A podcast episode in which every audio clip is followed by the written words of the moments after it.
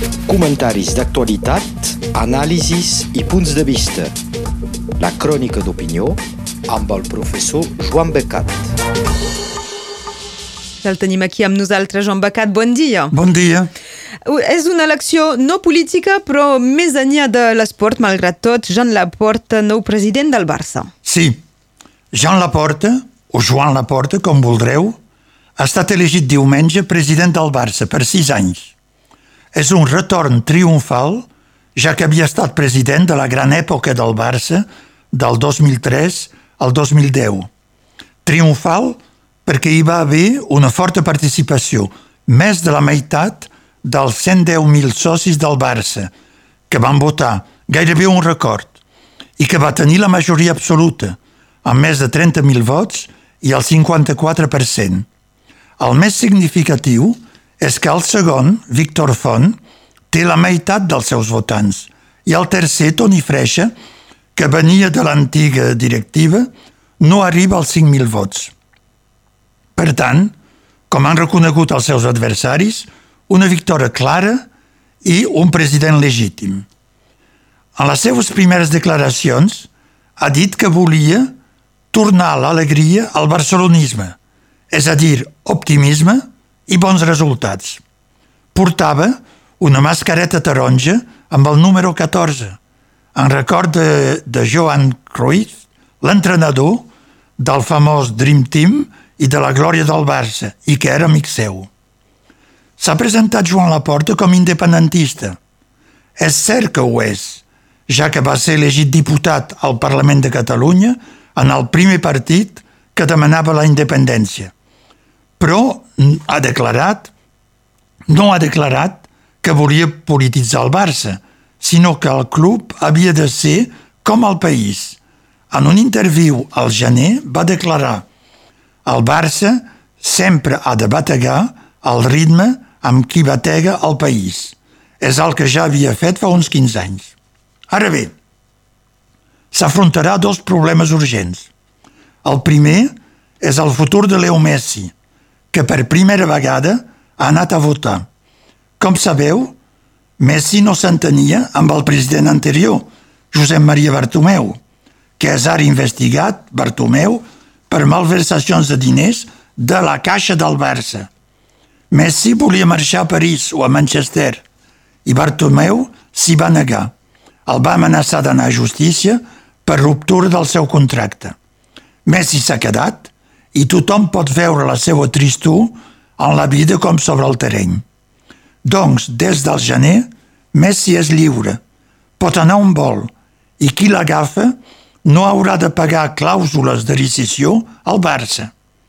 Però Joan Laporta el vol guardar si el pot convèncer, seria un senyal, un senyal molt positiu pels socis i pels patrocinadors del club, car Messi és una bona part dins la imatge del Barça.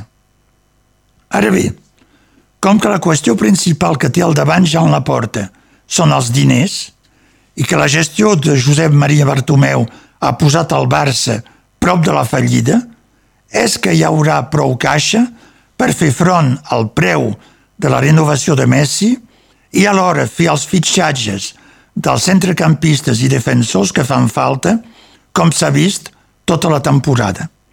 És possible, i així ho diu Jean, Jean Laporta, que Messi sigui més sensible al projecte esportiu, és a dir, a l'equip que l'acompanyarà durant els seus últims anys de futbolista, que els diners. Però, com dèiem, el problema principal són les finances, amb un forat enorme.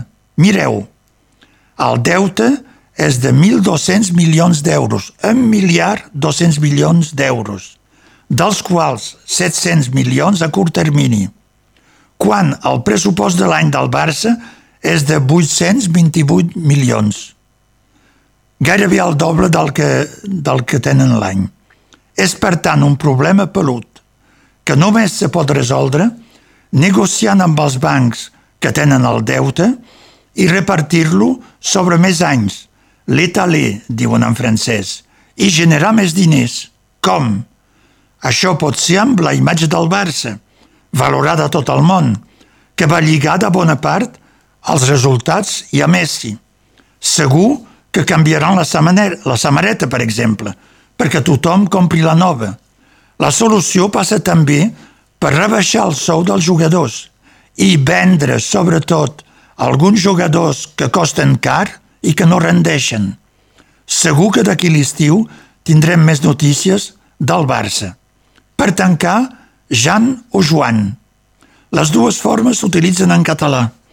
La forma Jan és la contracció de Joan i s'utilitza bastant a l'Empordà, d'on és la família de Jean Laporta, tocant el Pertús, i també al Rosselló.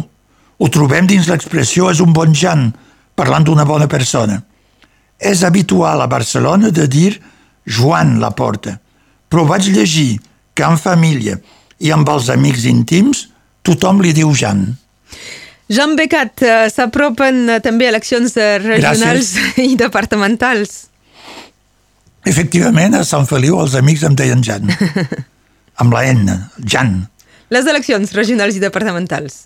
S'havien de fer ara al març i són reportades el 13 i 20 de juny. Tots els partits comencen a bellugar-se i el termòmetre de la temperatura electoral, el diari L'Independent, comença a fer-ne parlar al quotidià. Ara per ara, només voldria confiar algunes reflexions personals, basades sobre el que va passar a les eleccions precedents i la famosa reforma de les regions del president François Hollande, que, en lloc d'apropar les regions de la gent, com se recomana a Europa i com ho diu el sentit comú, les va allunyar i fer més distants. A més, la regió migdia-Pirineu era una de les més grans i el Llenguadoc-Rosselló tenia prou habitants per quedar totes dues, doncs, com eren. Se'n va parlar i finalment Holanda i Valls van decidir fusionar-les, és a dir, sacrificar Montpellier i Llenguadoc-Rosselló i donar-los a Tolosa. Però Tolosa és marginal dins la nova regió, molt a l'oest, i no arriba a imposar-se cap al Mediterrani. A més, la gestió interna de Carola Delgà, la presidenta socialista, ha mostrat durant aquest mandat una voluntat de recentralitzar cap a Tolosa, com era previsible. En realitat, la raó de la fusió no van ser consideracions econòmiques, d'afinitats, etc., sinó només de política politiciana. En efecte, dins la debacle, debacle electoral previsible el 2016 i què va passar? El govern socialista Holanda volia guardar unes quantes regions. Com que era molt possible que perdria el Llenguadoc-Rosselló, que tenia Cristià Burquenc, que no volia la fusió, i podia passar al Front Nacional, que d'altra banda Migdia Pirineu era socialista i amb més marge de vots, van decidir fusionar per guardar la nova regió. Així va ser. No creieu que va ser per us cuidar millor, com s'ha dit, o per la vostra felicitat. No, pura maniobra política. I en paguem el preu, entre altres amb el nom occitaní.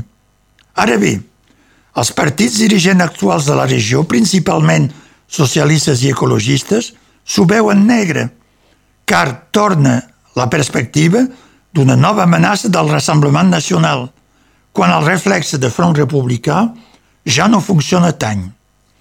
El 2016, a la segona volta, el Front Nacional va aconseguir 44,4% dels vots a l'antic Llenguadoc-Rosselló. Com hi havia una triangular, efectivament ho podíem portar. Eh, però, des de llavors, les condicions han canviat una mica a Tolosa i allà. D'una banda, sembla que el Front Nacional, ara Rassemblement Nacional, s'hagi consolidat i fins i tot progressat. S'ha vist a les últimes eleccions. I el front republicà contra l'extrema dreta no funciona gaire. Les rivalitats entre partits internes, com l'odi de l'esquerra al president Macron, han modificat les actituds. Va ser visible a Perpinyà. Avui dia, amb la desagregació de l'esquerra que ha continuat i la feblesa de la dreta clàssica, torna a Saia l'espectre de la victòria del Front Nacional a les eleccions regionals a l'Occitaní. La senyora Occitaní és la Carola Delgà, que nos ha clavat aquest nom, qua, perquè no podia sofrir ni Catalunya, ni Rosselló, ni País Català, ser política, no us va dir, ho vaig sentir. Doncs la senyora Occitanie és espantada i escriu a tots els balles del país català perquè l'ajudin. Doncs faig una crida. Cornuts del país català, ajudeu aquesta pobra senyora que us estima tan poc. Seguirem amb la votació de, que s'ha fet aquest dilluns, el suplicatori a Europa contra Puigdemont, Comín i Ponsatí. Ahir dilluns, a finals de tarda, va començar la votació pel ple del Parlament Europeu del suplicatori dipositat pel Tribunal Suprem espanyol que demana l'aixecament de la immunitat parlamentària dels eurodiputats Puigdemont, Comín i Ponsatí. Els resultats han de ser anunciat avui a les 9 del matí, doncs d'aquí poc temps. És probable que el Parlament ho voti i els tregui la immunitat. Per tant, les euroordres contra ells a Bèlgica i Escòcia seran reactivades. Dic que és probable car el Front Unit dels Diputats Espanyols del PSOE, del Partido Popular i de Ciudadano han fet el forcing per convèncer els grups als quals han adherit de votar a favor de l'aixecament de la immunitat. L'aritmètica és simple. El Parlament té 705 diputats, o sigui que la majoria és a 353 vots. 353.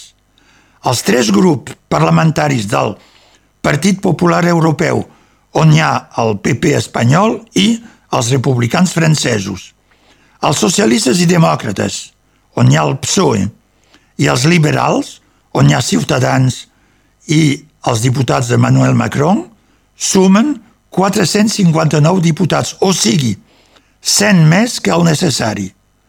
Els grups que no votaran al suplicatori són els Verds i Esquerra Europea, o sigui, només 112 diputats. En falten molt.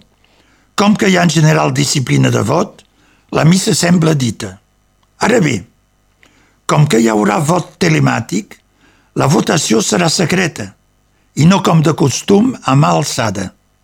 D'altra banda, Carles Puigdemont, Comín i Ponsatí han procurat aquests dies de denunciar en els mitjans de comunicació i a prop de molts estats de la Unió Europea la seva persecució política i la repressió a Espanya. Per tant, la qüestió no sembla pas quina decisió serà presa, sinó quants diputats votaran contra i hauran basculat a favor de Puigdemont i de Catalunya. Ho sabrem ben aviat. Gràcies, Joan Becat, i ho comentarem segurament la, la setmana vinent. Bon dia a totes i a tots. Comentaris d'actualitat, anàlisis i punts de vista. La crònica d'opinió amb el professor Joan Becat.